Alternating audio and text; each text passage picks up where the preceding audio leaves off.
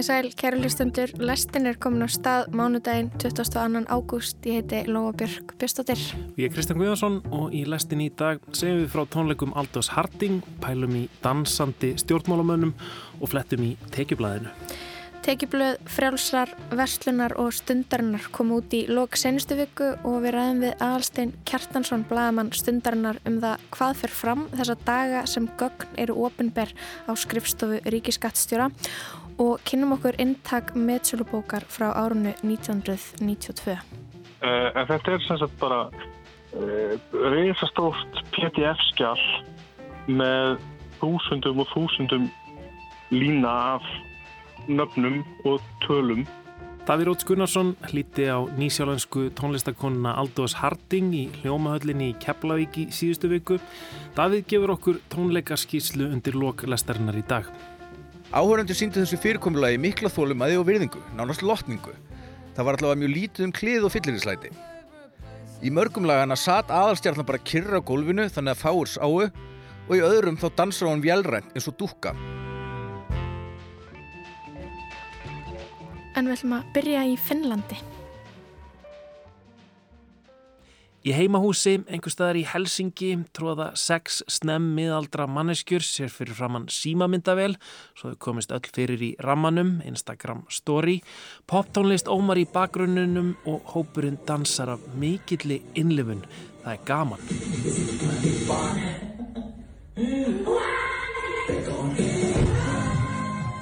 Fremst vinstramegin er dökkart kona í ból og þröngum buksum og skekur mjadmyndnar munuðar fullt í anda poptónlistarmyndbanda samtímans. Já, það er rýfandi stemning og hún heldur áfram. Í næsta myndbandi er lýsingin orðið dempari og klúbaleri og vinirnir dansa enn og syngja við tónlist finsku popstjörnunar Antti Tuisku og rapparans Petri Nýgård. Dökkarðakonan er ennþá í miklum ham, komið niður á hnýje, faðmar vinkonu sína innilega og saman gera þær stút á munnin og horfa í myndavillinu. Þetta er í raun bara óskup venjulegt parti, óskup venjuleg myndbönd sem að blasa við flestum Instagram-notendum þegar þeir opna forritið á sunnundasmornum, eitthvað gott parti sem maður er kannski eilítið súr yfir að hafi ekki verið bóðið í. En þetta teiti hefur þó dreyið dilka á eftir sér því dökkarða unga konan er auðvitað Sanna Mirella Marin, fósettisræðara Finnlands og leðtogi sósjaldemokrata þær í landi. Um lítið annað hefur verið rætt í Finnlandi og raunar víða um heim síðan myndbandið fór í dreifingu. Íhaldsamir stjórnmálamenn hafa reynd að gera dansinn tortryggilegan, sagt hegðunna ekki sæma fósettisræðara, hún sé slæm fyrirmynd og meira segja þvingað sönnu Marin í fíknefnapróf vegna þess að slangurirði yfir dóp kom fyrir í texta sem hópurinn öskur söng með í einu myndbandinu.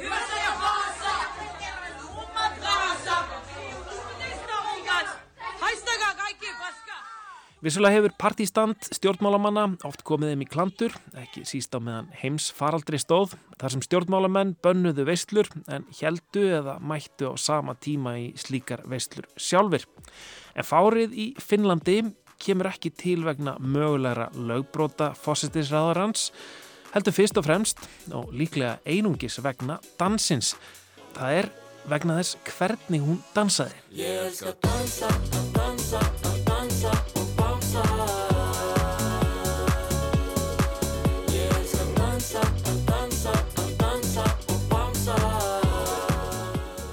Dansandi stjórnmálamenn komast nokkuð reglulega í fréttinnar og vekja þó yfirleitt kátínu. Já, þetta er eiginlega komist ólík fyrirbæri, dans og stjórnmálamenn.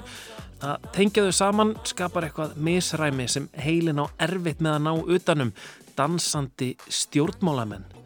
Stjórnmálamenn leggja sig yfirleitt alla fram við að vera formlegir, alltaf á tánum, vel undirbúnir og með svör á reyðum höndum, já líta örugir og valdmannslegir út fyrir myndavélina. Þeir eru uppstrílaðir og stífir, alltaf með grímu stöðut sjálfs meðvitaðir.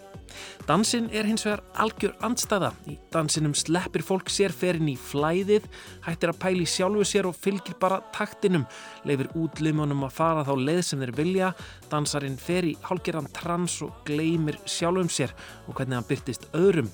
Það er ekki hægt að stíga feilspor, engin dæmirmann á dansskólinu. Ef manneskja dansar af innlefun þá skiptir ekki máli hvernig eða hversu vel eða ítla hún dansar, hún er aldrei asnaleg. Aðeins sá sem er sjálfs meðvitaður í dansinum, upptækin að því að vera ekki kjánalegur, aðeins hann verður kjánalegur. Ég kom klukkan tólf, einn á balli til í knalli Fór inn á bar og setti starf, drakk og drakk Fór á flakk, það kostar buðarinn að koma sér í stöð Ég er einn í hvað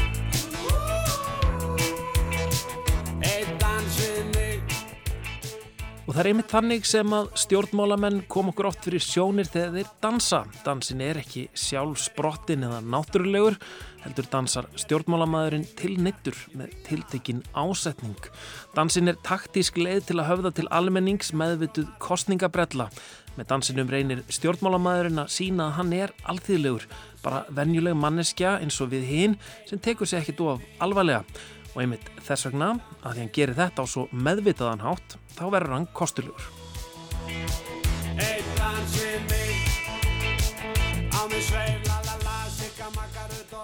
Frægasti dansandi stjórnmálamaður síðustu ára er líklega breski fórsættisráðaran Theresa May en dansbór hennar í ferðalagi um Afríku vöktu mikla aðtegli árið 2018. Það reynd hún fyrst að stíga létt spór með skólabörnum í Suður Afríku og svo með skátum í Nairobi í Kenya. Það er eitthvað stórkoslegt við þessa styrðbusalegu eldri kvítu stjórnmálakonu í draktinni sinni að reyna líki eftir reyfingum taktfastra og liðugra þjóðdansara Afriku. Hún skýtur hálsinum út, mjáðmyndnar stífar og reyfingalösar og hendurnar vísa upp í loft. Svo litið eins og hinn þekkti robotadans. Maybot var hún stundum kölluð, klunnaleg og sumir gátt ekki horta á myndböndin vegna kjána hrollsins. En líklega hafði þetta þó góð áhrif á sín almennings á Theresa May. Hún var allavega að reyna, það gerði hana manneskjulegri og dansinn var fljókt af internetmýmum sem dreyðust um netið þar sem ólík tónlist var sett undir myndböndin til að draga fram danshreyfingar May. Og flokksþingi Íhaldsflokksins 2018 gerði hún sjálf grína þessu eða var kannski neitt til þess af ímyndar sérfræðingum sínum og kom dans gangandi inn á svið ráðstefnu Hallarinnar undirleik ABBA Dancing Queen.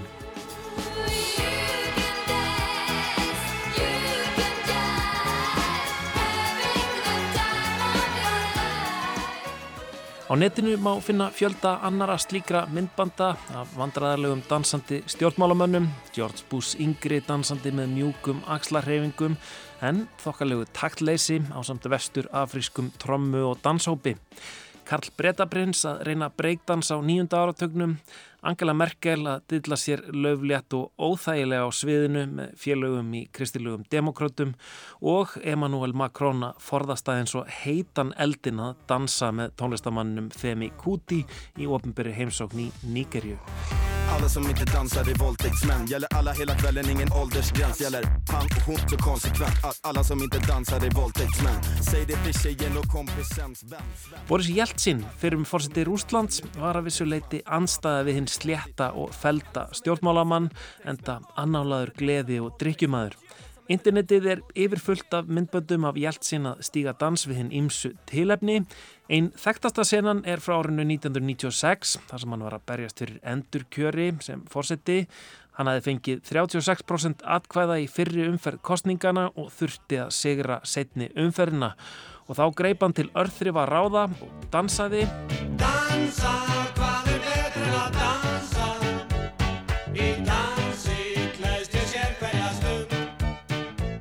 Dansinn sem bjarnarlegur Jeltsin steig jakkalaus í hvítri skirtu og með bindi á sviðinu er eins og ofvirk bland af fuggladansinum og dansinum við kóreiska popslagaran Gangnam Style.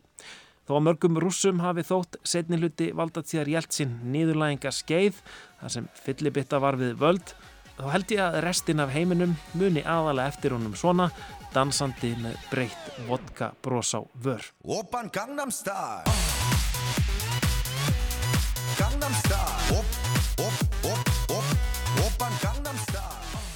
Arftæki Jeltsins, Vladimir Putin, er auðvitað stífari og formlegri En áðurinnan varð útlægur úr alþjóða samfélaginu vegna stríðsins í Úkrænu, let hann sig þó stundum gossa í söng og jafnvel dans. Hann dansaði meðal annars í brúðkaupi vinkonu sinnar og þá er hendi utanríkis á þeirra Austuríkis, Karinar Knæsel. Þar dansaði fórsetin formlegan vals við brúðina á sólrikum sumardegi í austurísku sveitinni. Dans sem þykir heldur vandraðalegur fyrir dansfélaga Pútins í dag. Kollegi hans og höfuð andstæðingur í Úkrænu, Volodymyr Selenski, var hins vegar fyrst þjóðþögtur í heimalandinu ymmit fyrir danshæfileika sína. Hann segraði í hæfileika keppninni Dancing with the Stars árið 2006, lungu áður en hann leik forsetta Úkrænu í vinsalum grínþáttum og varði í kjölfarið raunverulega forseti landsins. Það eru því fáir þjóðarleitóar sem geta státað af við líka hæfileikum og færni í fjölbreytum gerðum samkvæmistansa, tango, rumba, salsa, rock, nefndu það, hann dansaði það í þættinum meðal annars í bleikum Elvis samfestingi.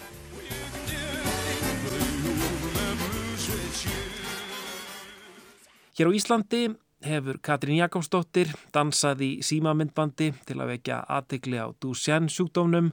Framsáknarmenn stegu dans í Alþingishúsinu til að fagna skuldaleðréttingunni á sínum tíma og frægur er áramóta dansleikurinn í sjónvarpinu árið 1985. Rapp Gunnlaugsson sá til þess að frægir Íslendingar og fyrirmenni dönsuðu við undirleik stuðmanna Í beitni útsendingu fóta Fimmur Össur Skarpiðinsson, Hársveifla Stengrins Hermanssonar og sjálfsmeðvitaður og settlegur dans Ólafs Ragnars Grímssonar byrtust meðal annars í þessu magnaða sjónasefni.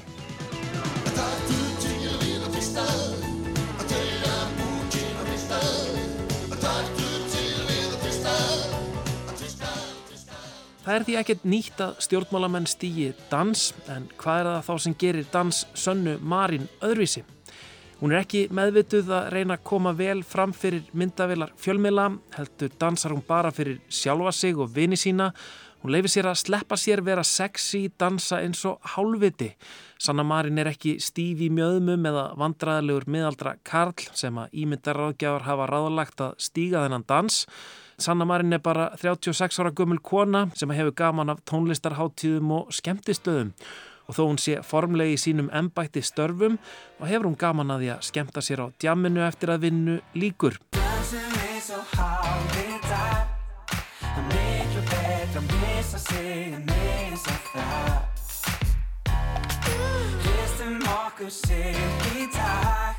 Og allir tínum kúlinu þá sárinu það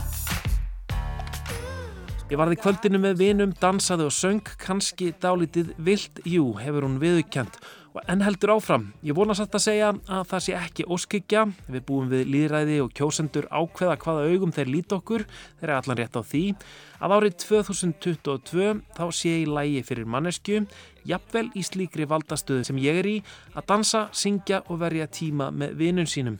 Ég tel ekki neitt rámt við það sem slíkt, segir Sanna Marín, fórsetisráðara Finnlands.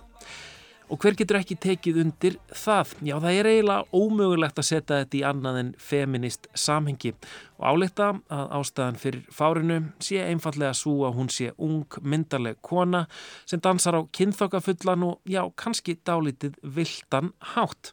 Eitthvað sem kemur mörgum í opna skjöldu. Kanski að því að þetta tvent hefur verið álitið andstæður sem að útiloka hvora aðra, ungar myndarlegar konur sem dansa á munuðar fullan hátt og svo valdamestu aðiladnir í samfélaginu. Getur kona sem dansar svona virkilega verið við völd, spyrja varnmenn feðraveldisins. En konur á Norðurlöndum og víðar um heim allan eru eðlilega neykslaðar yfir gaggrinni og síðustu dögum hafa sumar þeirra byrjað að byrta myndbönd af sér í trilltum dansi á samfélagsmiðlum undir millumerkinu samstaða með sönnu, hashtag solidarity with sanna. Og lestinn fagnar þessu að sjálfsögðu lestinn fagnar dansinum, við hvetjum stjórnmálamenn og alla aðra til að dansa meira.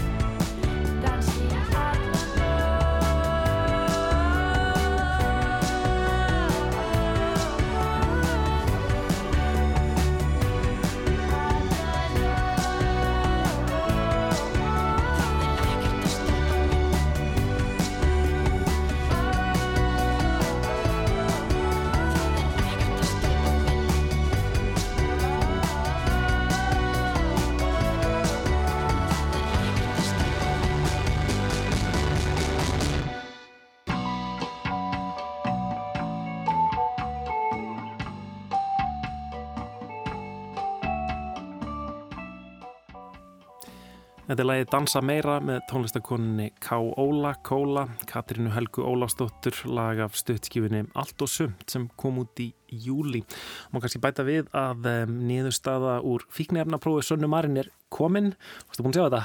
Já, fór hún í það á, eh, fór hún í þetta próf bara af eigin frumkvæði? Já, já, það var svona þrýstingur á að hún myndi gera það, þannig að hún ákvað bara að, að, hérna, að afsanna það. Og eh, hvaða efni fundust í blóðinu? það kemur ekki fram eða það er rauninu fundist engin efni. Okay. Þa, það er niðurstaðan. Eh, engin, engin óluleg vímöfni allavega. Ég veit ekki hvort það er einhver önnur efni. Já, vissuleiti sko. En frá finskum stjórnmálum ætlum við að snú okkur að launum Íslandinga Ég þarf pening, ég þarf pening, ég þarf pening strax. Ég þarf pening, ég þarf pening, ég þarf pening strax. Umslag með pening í halva heila. Ég þarf pening strax Tekiblaðið er komið út og við lesum fréttir af skattakongum, launaháum, læknum og prestum og launaláum áhrifavöldum. Eintak af frjálsri verslun kostar 2790 krónur og þar er hægt að fletta upp tekjum 4000 Íslandinga. Fyrir nokkrum árum fann ég bók á Salfossi í búð og kaffehúsi sem heitir Bókakaffið. Það er hægt að kaupa notaðar bækur notaðar eða öllu heldur bækur sem einhver vill ekki eiga lengur. Bókin heitir Íslenskir auðmann. Hún kom út árið 1992 og var gefin út af almenna bókafélaginu. Jónas Sigurgersson og Pálmi Jónasson eru höfundar bókarinnar og hún var meðslubók.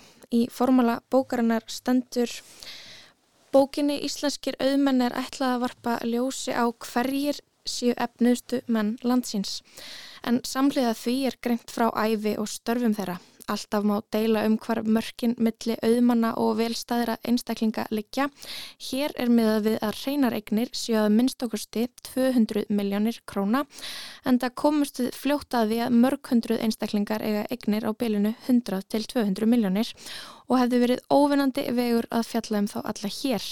Við gerð þessarar bókar hefur víða verið leitað fanga, stuðst er við allar ofinberar upplýsingar sem fyrir likja, svo sem skattskrá, veðbóka, vottorð, brunabótamat, fastegnaskrá, upplýsingar frá Hagstofu Íslands, hlutafélagskrá, ársreikninga, fyrirtækja og gengi hlutabrifa. Vert er þó að taka fram að margar upplýsingar sem talið er eðlilegt að séu ofinberar í öðrum vestrænum löndum likja ekki fyrir hér á landi. Þá kann tólkun ofinbæra upplýsinga og talna að vera undir orpin nokkuru óvissu.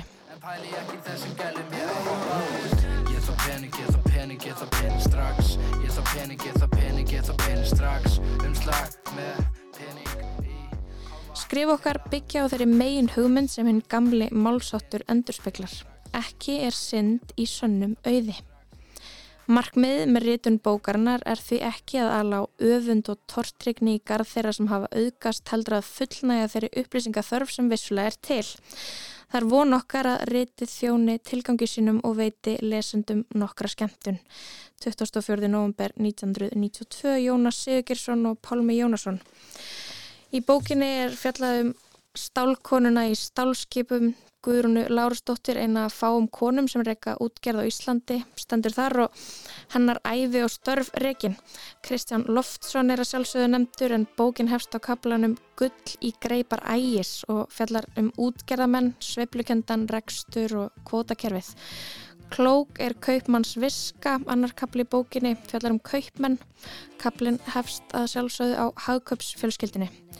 Kaplanir eru 11 í heilsinni og ég viðbót við þessa heina sem ég er búin að nefna eru matur er manns megin um auðmenn meðal bænda og matvælaframleganda á gömlu merk um auðmenn í heilsalastjætt frúin hlæri betri bíl um auðmenn í bifriða innflutningi að yrkja sér til fjár um fjölmela og afþreyingar eðinaðin eigundur hlutabriða, erfingjar og egnamenn hinn auðuga valfellsætt, nútíma vikingarnir um íslenska efnamenn á erlendri grundu, íslenskir auðmenn, útráttur úr bókinni. Svona eru taldar upp hennir ímsu auðmenn í ólíkum starfsgreinum, egnir þeirra taldar upp og hvernig þeirra veldi hefur vaksið og aftast í bókinni er svo nafnalisti með nafni og mynd og litlum sögum um ríkasta fólk Íslands á þessum tíma.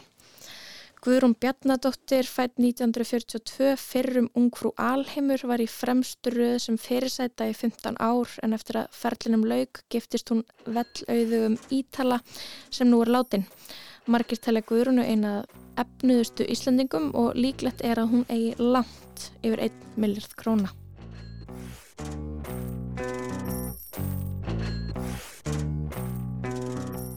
Gunnar Björgvinsson 1939 flugvélakaupmaður í Lichtenstein hefur brotist til auðs úr engu á miklar eignir Erlendis svo sem kastala í Brussel, hús og íbúður í nokkrum löndum og hluti í nokkrum breyðþótum. Eignir hans eru ekki undir einu miljardi og líklega nokkuð á annan miljard. Herluf Klausen 1944 hefur aflað mikils auðs og þykir snjall í viðskiptum, hefur lengi lána út peninga á hennum frjálsamarkaði en er auk þess í fyrirtækjarekstri svo sem sjávarútvegi veitingahúsa og tísku vöruverslunarekstri. Herluf reynir eins og hann getur að forðast sviðsljósið. En í frett DFF frá 2009 kemur fram að kapli um föður Kjartans Gunnarssonar, lagfræðings og fyrir um framkvæmdastjóra sjálfstæðisflokksins til 26 ára hafi verið rittskoður. Þeir Pálmi og Jónas hafi skilað en handritið að bókinni sem innihjalt þær upplýsingar að Gunnar Axel Pálsson, fadir kjartans, hafi verið okkur lánari. Þrátt fyrir ítrekkaðar beinir frá Hannesi Holmstein og fleirum þess efnis að fjarlæga kaplanur úr bókinni.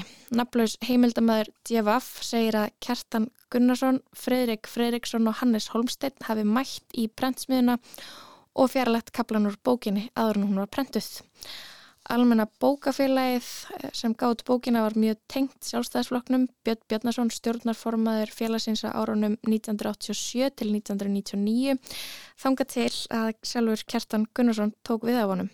Í frett DFF kemur fram að Gunnar Fadir Kjartans hafi verið frumkvöld í lánastarðsemi með frjálsum vöxtum en á þessum tíma var ólöglegt að rukka fólk um aðra vexti en fasta vexti sem ákvarðaðir voru af Íslensku ríkisböngunum og samkvæmt heimildum divaf erði kertan rúman miljard króna eftir föðusinn en hann hefði þurft að erfa aðeins meira til að komast í bókina Íslenskir auðmenn.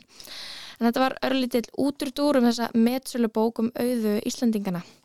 Þessi bók er búin að vera á skrippborðinu mínu í nokkra mánuði því mér finnst hún eitthvað áhugaverð, sér íslensk og sína fram á þörf í litlu samfélagi til að vita um auðmennina og veldin, reykja ættartengslinn og skilja valdabalokkinnar.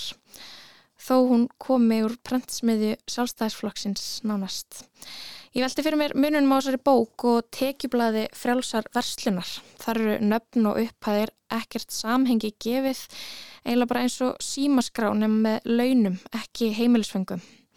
Helgi Magnússon gaf fyrstur út tekjublaðið árið 1989, þáverandi reittstjóri frjálsar verslunar. Svo tók Jón G. Hugson við keflinu og held sér gangandi þanga til fyrir fimm árum þegar viðskiptablaði kefti frjálsa verslun og þá tók Trösti Hafleðarsson við. Ég var aldrei almennilega átta með á því hvort að hægri menn eða kapitalistarnir á Íslandi séu á móti því að þessar upplýsingar séu ofinberrar og ég veldi ekki fyrir mér hvort það sé eitthvað til í gaggrinninni þessari helstu sem ég hef reykist á. Ég ringdi í aðalstein Kjartansson, blagaman á stundinni, en stundin gefur einni út tekjublað til að heyra hvernig þetta fer allt fram og hver tilgangurinn með þessu öllu saman sé. Pening, ég þarf pening, strax. Ég þarf pening, ég þarf pening, ég þarf pening strax. Gef mér þennan pening núna strax. Ég þarf pening, pening núna strax. Ég er að spá, nú varst þú að vinna svona eins konar tekiblaði fyrir stundina. Já. Hvernig fyrir þetta fram? Hvernig sækir þessi gang? Farið neyra á skrifstofu ríkiskattstjóra og, og leitið ykkur um skjálaskápum eða hvernig gengur þetta svona fyrir sig?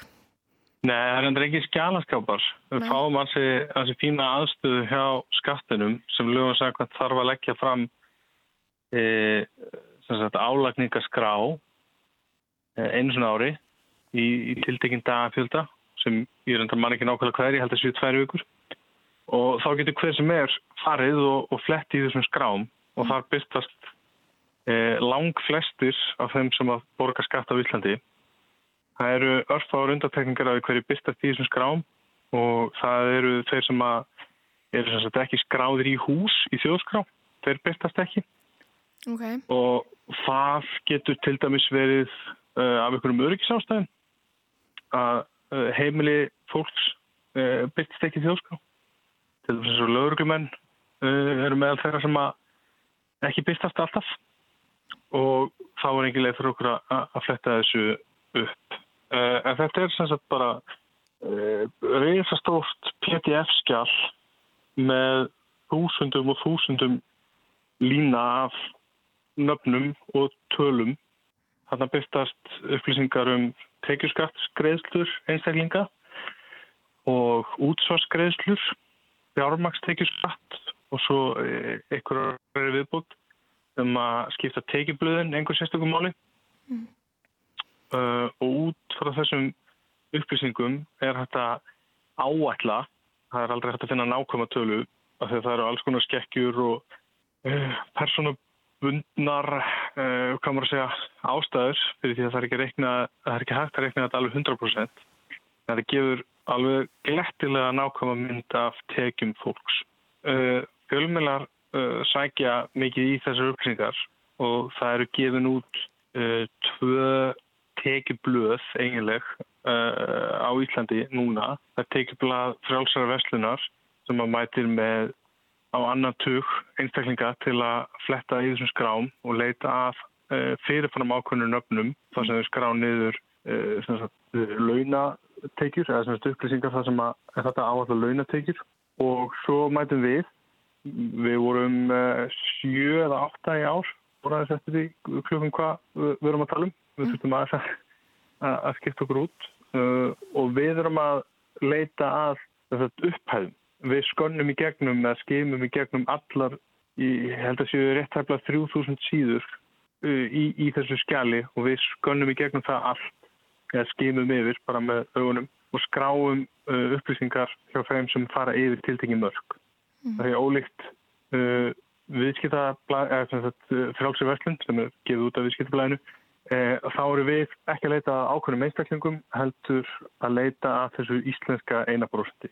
Einaprósendi þjóðarinnar sem að greiðir e, hæstu skattana og hefur hæstu teikunar.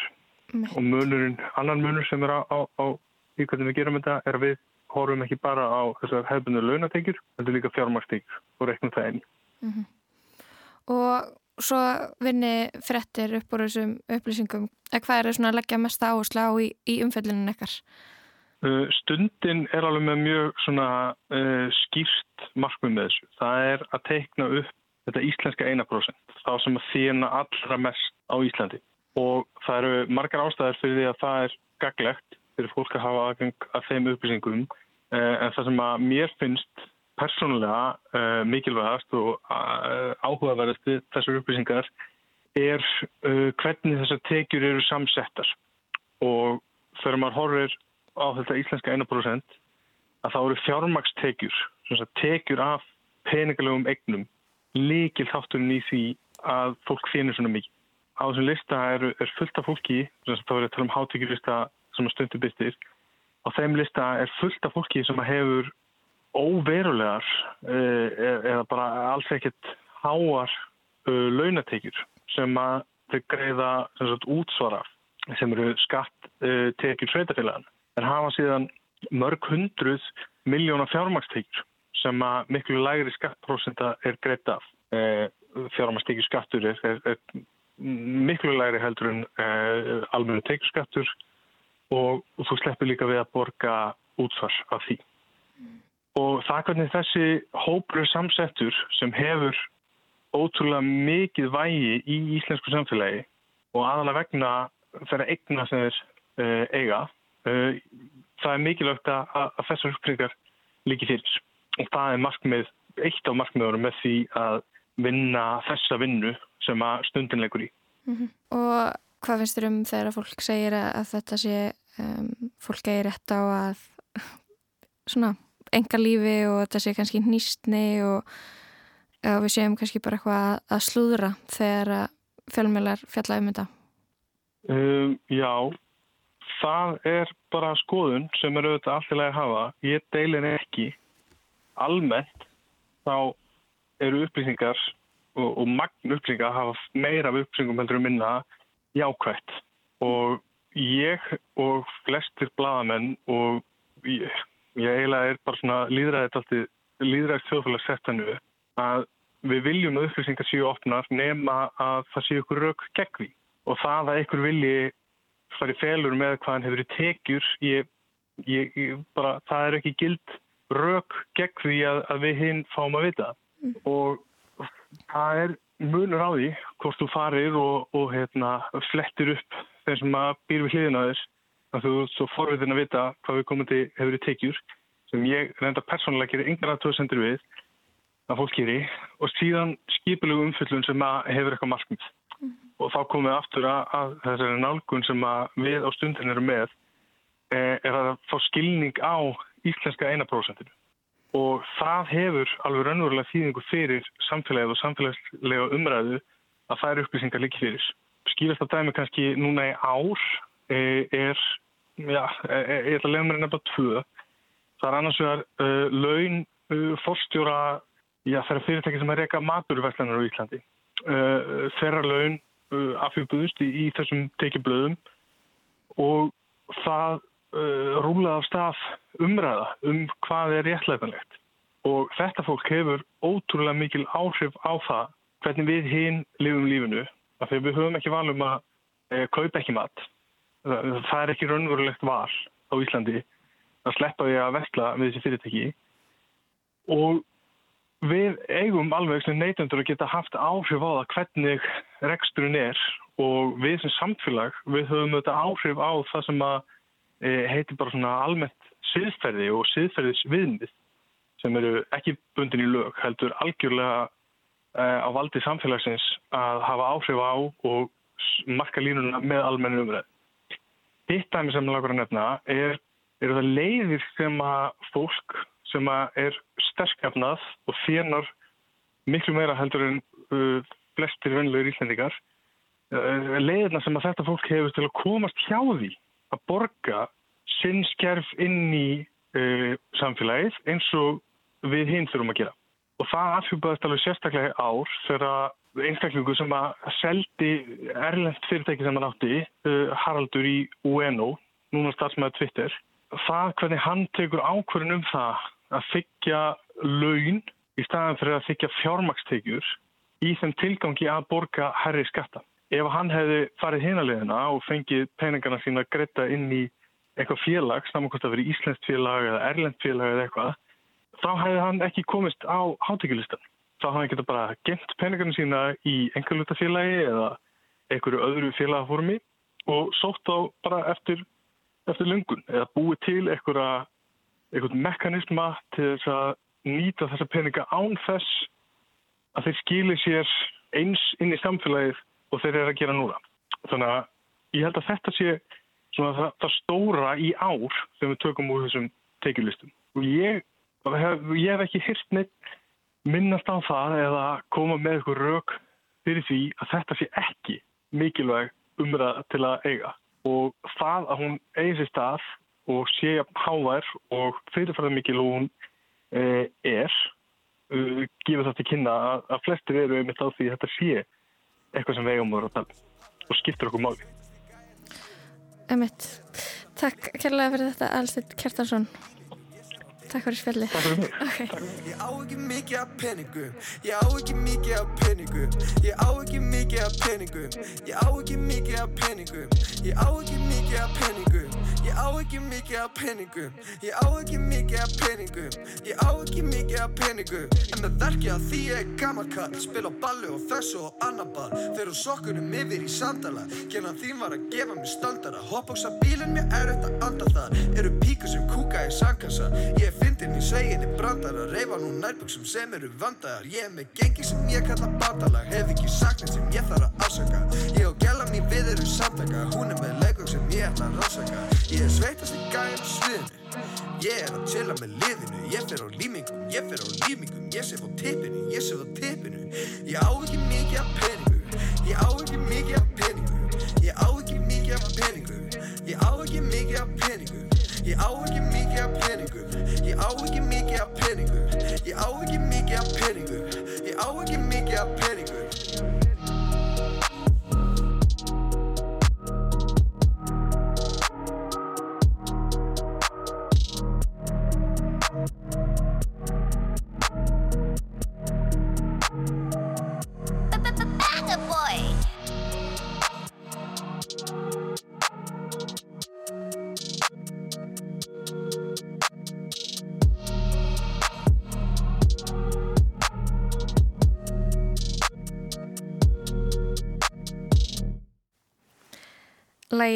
á ekki mikið af peningum með rapparanum Krabba Mein. Við ræðum hann við Alstein Kjartansson, bladamann stundarinnar. Hann og, og fleiri fjölmælamenn voru áskrifstofu ríkiskattstjóra. Það eru tvær vikur þar sem að gögn eru ofinber og, og þessi gögn sem eru nótið til þess að skrifa tekiblöð. Mm -hmm. Þannig að Kristján, hefur þú eitthvað reynslu af því eða? Já, ég hef það. Sko ég var að vinna á DFF uh, eh, á þeim tíma sem að DFF uh, eh, var með svona upplugt te tekiblað, uh, vann meðal annars með allsteinni þar. Um, en þá var þetta held ég ekki tvær vikur, þá var þetta bara einn dagur.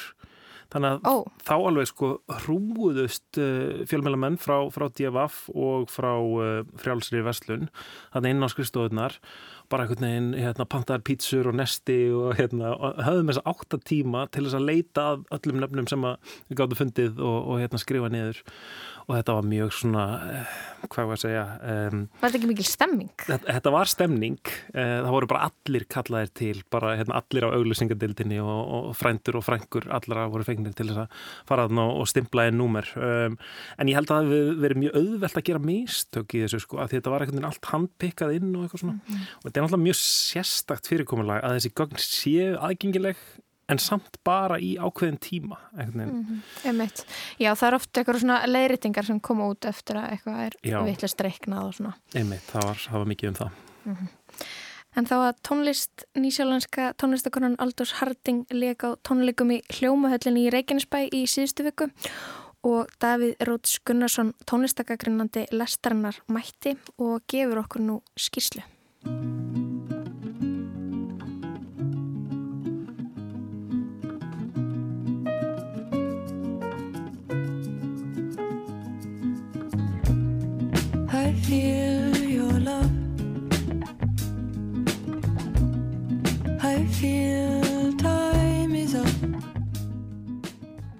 Nýsjálenska tónlistakonan Aldurs Harding framti Kingi Magnaðan Galdur á einu besta sviði landsins síðasta mánudagskvöld en það vil svo til að það svið er staðsett í miðjur roksafni í Reykjanesbæ.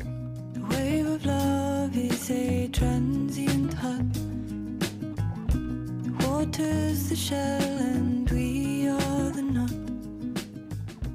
Nú þegar heimsfaraldurinn hefur sjatnað niður í hverja aðra flensu og gengi krónunar styrkist óðum eru erlendir poptónlistamenn farnir að sullast yfir landstennana eins og engins í morgundagurinn.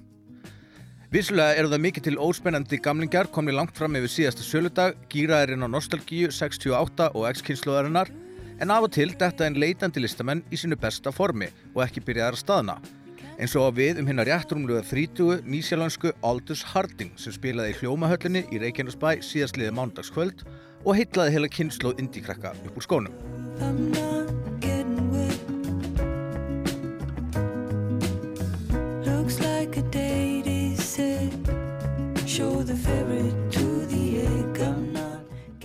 Aldous Harding er frá hafnarbænum Litetton í Nýjarsjálfandi og kemur nú mikill í tónlistafjölskyldu.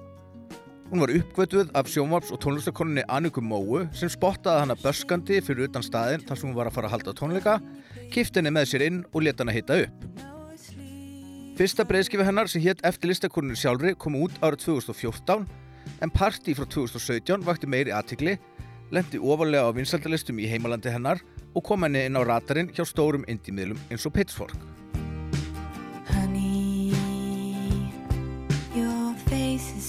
Holding up the memory Kisses you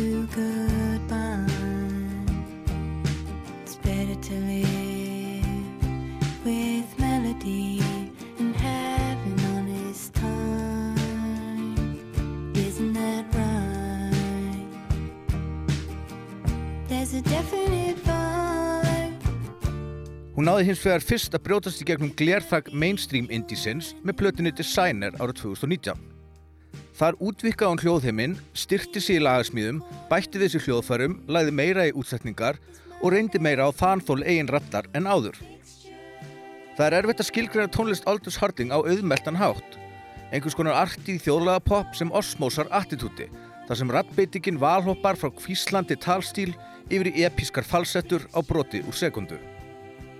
Laugin eru kunnuleg á framandi hátt, beigja oft til vinstri í kaplaskiptingum og stundum skreitt með áberandi blásturstungum á offbítinu. Þá finnst mér eins og skoppandi píanolínur séu oftar drivkrafturinn í lögunum frekar en eilífa kassagítarströmmið og það kunni ég vel að meta.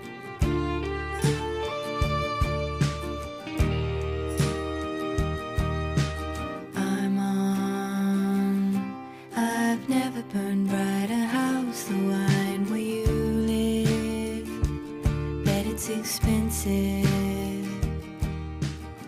Á Designer er engin hörgull á frambærilegum lögum en þar á meðal eru Treasure, Barrel og Titilæð sem öll fenguð að óma í hljómahöllinni. En uppáhalslægi mitt á plötunni sem var jafnframt minn fyrsti ingangur á Aldous Harding var hins vegar ekki spilað. Hinn stórkostlega hátíðni ballaða Sue Ice.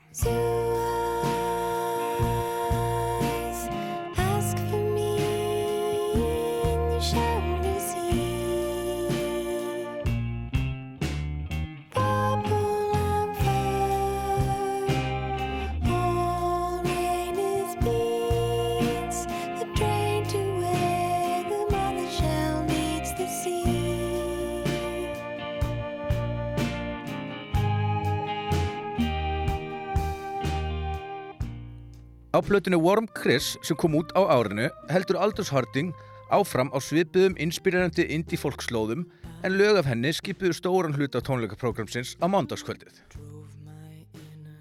Hljómahöllin er rauninni rocksapn í Reykjanesbæ en inn af því er tónleikasalurinn Stabi. Og þarna í Keflavík á mánudagskvöldið var samankomin cirka öll íslenska indie-sennan yfir 25 ára aldri að súpa bjór og skoða gítarneklu Rúnars Júl og aðrar merkar rockminjar áður en tónleikandi byrjuði. Það var velski tónlistamæðurinn How Hogline sem ég jafnframt kærast í Aldous Harding og í hljómsveitinni hennar sem hýtaði salinu með príðulegu indie-poppi, fínasta söng og huggulegri sviðsframkomu.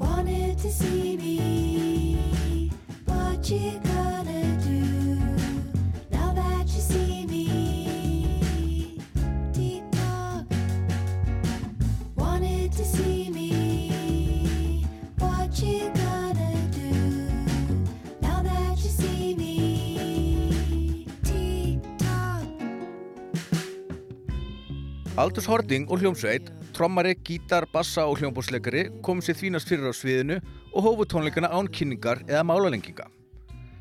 Þetta er gríðarlega þjætt spilandi band sem framkallaði hljóðheim Harding hnökralust og að fádæma örgi út í sal. Og fyrst við erum nú komin í salakverfið þá verður ekki hjá því komist að minnast á að þetta er líklega einn allra besti tónleikasóli landsins um þessar myndir. Ferkandaður í læginu og stærðin þannig að nokkur undir manns geta staðið þægilega, auk sítjandi svala sem ég kannaði reyndar ekki.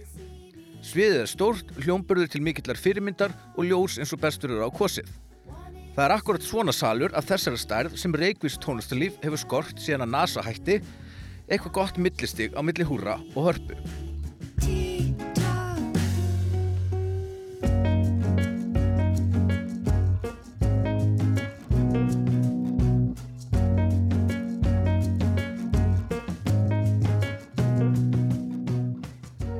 Harding hefur sérstakar sviðsframkomu svo ekki sem meira sagt og þarna var augljóslega ferð mikil listakonna en jafnframt kynlegur kvistur. Hún er frábær sönguna og flakkar áreinslulaust milli kvíslara andadrátta, fjarrans baritóns og yfirgengilegar kraftfalsitu. Undirspilið virka kannski ekki flókið við fyrstu heyrn en það er samt smekkfullt af dýnamískum núansum og útpæltum smáatöðum, eitthvað sem hefði líklega ekki skilað sér í verra hljóðkerfi heldur en þessu. Mér fannst eins og í mörgum lagana væri mikið lagt upp úr áferð og samspili hljóða. Hvernig rödd Harding í löngum nótum tónaði við tiltekna tíðni í gítar og hljómbórsándum. When we met a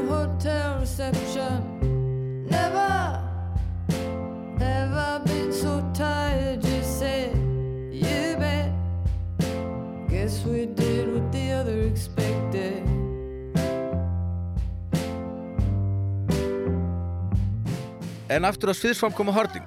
Hún er svo sannarlega ekki skrafhrifin utan tónlistarinnar og kynnti hvorki sjálfa sig, hljómsveitina, nýja eitt einasta lag megnið af tónleikunum.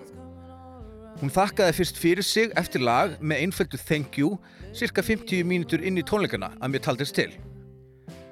Þetta gerði stemminguna óneittilega nokkuð sérstaka. Það var jú klappað eftir lög en síðan var alltaf smá þögn meðan bandið var að stilla eða telja í næsta lag.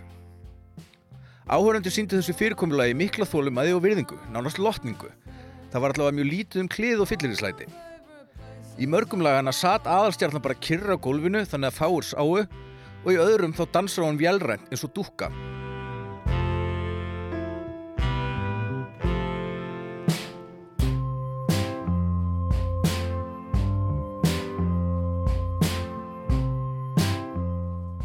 Það kemur ekkert á óvart ef Aldous Harding væri á einhverju góðu rófi en það skiptir samt minnstu máli. Því það var að mörguleiti upplýfgandi að fara á tónleika og fá einungis góða tónlist, tæra og ómengaða beint af kunni. Það sem engin feik hressleikið þvælist fyrir, fólk er hvorki sexy nýja í stuði og I'm so glad to be here, hello Keflavík fær ekki meiri fagnaðalæti heldur en allt annað á tónleikunum, eins og svo oft vill verða. Aldous Harding er leitandi listamæður og einstakur flytjandi sem unun var á að hlýða í hljómahöllinni.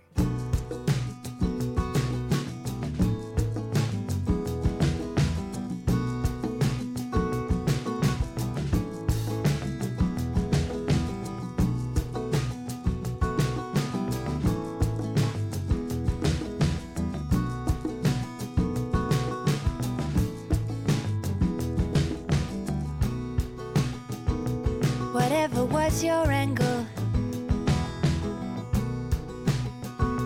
that visionary shimmer,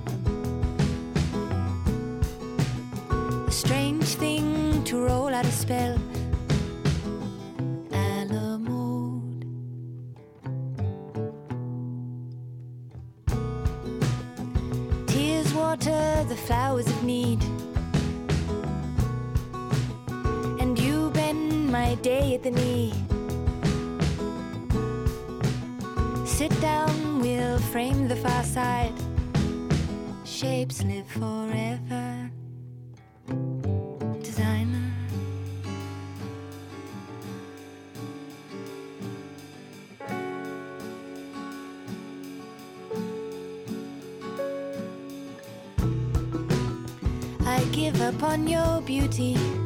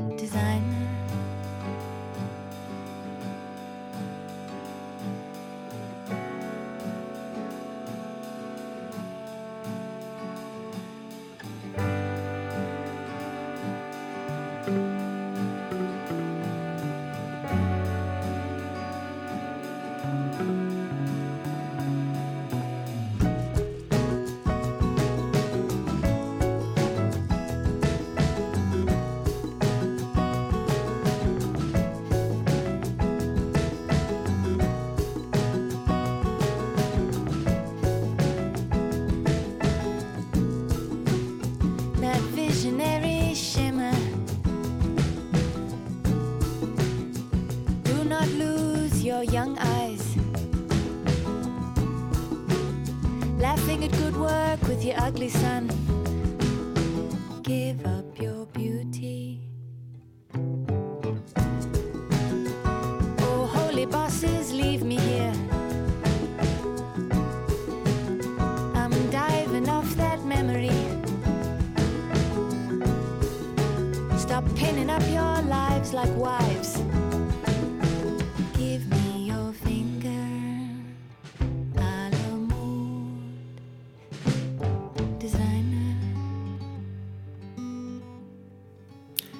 Þetta er Aldous Harding frá Nýja Sjálandi og titilag blötunar Designer frá árinu 2019 hönnuður.